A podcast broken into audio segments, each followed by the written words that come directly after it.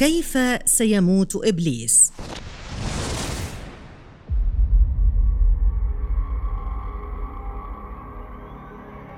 جميعنا يعلم قصة إبليس الشيطان الأكبر وكيف أبى أن يسجد لآدم عليه السلام وأنه كون عداوة أبدية مع بني البشر. ولكن هذه العداوة ستنتهي بموته. نعم إبليس سيموت مثله مثل البشر والجن. ولكن القصة هنا هي كيف ومتى سيموت إبليس؟ وكيف سيقبض ملك الموت روح الشيطان الرجيم؟ بسم الله الرحمن الرحيم. قال ربي فانظرني إلى يوم يبعثون. قال فإنك من المنظرين إلى يوم الوقت المعلوم. قال ربي بما أغويتني لأزينن لهم في الأرض ولأغوينهم أجمعين إلا عبادك منهم المخلصين. نعم هذا إبليس الذي أنظره الله في الوقت حتى يوم القيامة. فكان وعدا من الله حقا أن يموت هذا الشيطان اللعين. فيقال إنه وفي بداية أحداث يوم القيامة فإذا بالناس في الأسواق يتخاصمون وبينما هم كذلك تأتي هدة عظيمة يصعق فيها نصف الخلائق فلا يفيقون لثلاثة أيام والنصف الباقي يذهب عقلهم فيبدون مندهشين. فبينما الناس بهذا الهول فتأتي صعقة غليظة كصوت الرعد القاصف فلا يبقى أحد على الأرض إلا وقد مات. فلا يبقى آدمي ولا جني ولا شيطان. وهنا موعد موت إبليس. هنا وحسب ما وصلنا من أحاديث نبوية نستنتج كيفية موت إبليس اللعين. فيقول الله تعالى لملك الموت خلقت لك بعدد الأولين والآخرين أعوانا وجعلت فيك قوة أهل السماوات والأرض وإني ألبسك اليوم أثواب الغضب والسخط كلها. فانزل بسخطي وغضبي إلى ملعون إبليس فأذقه الموت واحمل عليه من الموت مرارة الأولين والآخرين من الجن والإنس اضعافا مضاعفة.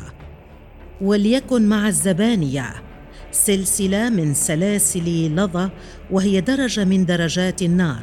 وانزع روحه المنتنه بسبعين ألف كلابة من كلاليب لظى. ونادي مالكا ليفتح أبواب النيران. فينزل ملك الموت بصورة لو رآها أهل الأرض لذابوا من هولها. وبالفعل ينزل ملك الموت ليجد إبليس اللعين. فيزجر الملاك زجرة فإذا بإبليس صعق من هذه الزجرة.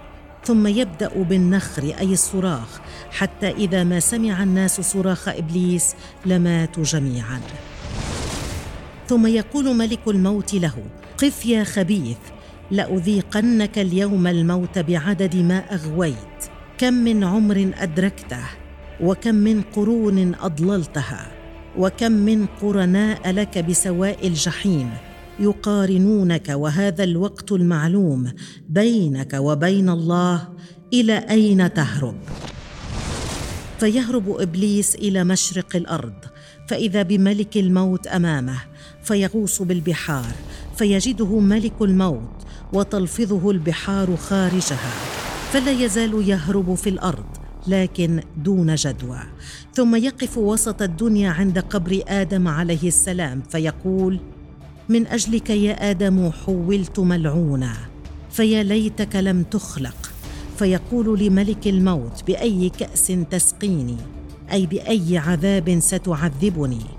فيقول ملك الموت بكأس أهل لظى والنار والجحيم اضعافا مضاعفة.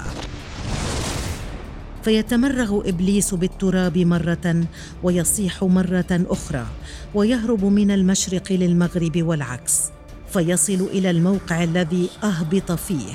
فيكون الزبانيه بانتظاره فيطعنونه بالكلاليب وتكون الأرض كالجمرة فيبقى بهذا العذاب إلى ما شاء الله. ويقال لآدم وحواء اطلعا على عدوكما وانظرا ما نزل به كيف يذوق الموت؟ فيطلعان فإذا نظرا إلى ما هو فيه من شدة العذاب والموت قالا ربنا قد أتممت علينا نعمتك. هكذا يموت إبليس وتكون نهاية الشيطان الأكبر الذي كان مسؤولا عن كل الشر في الأرض جميعها. والعلم عند الله.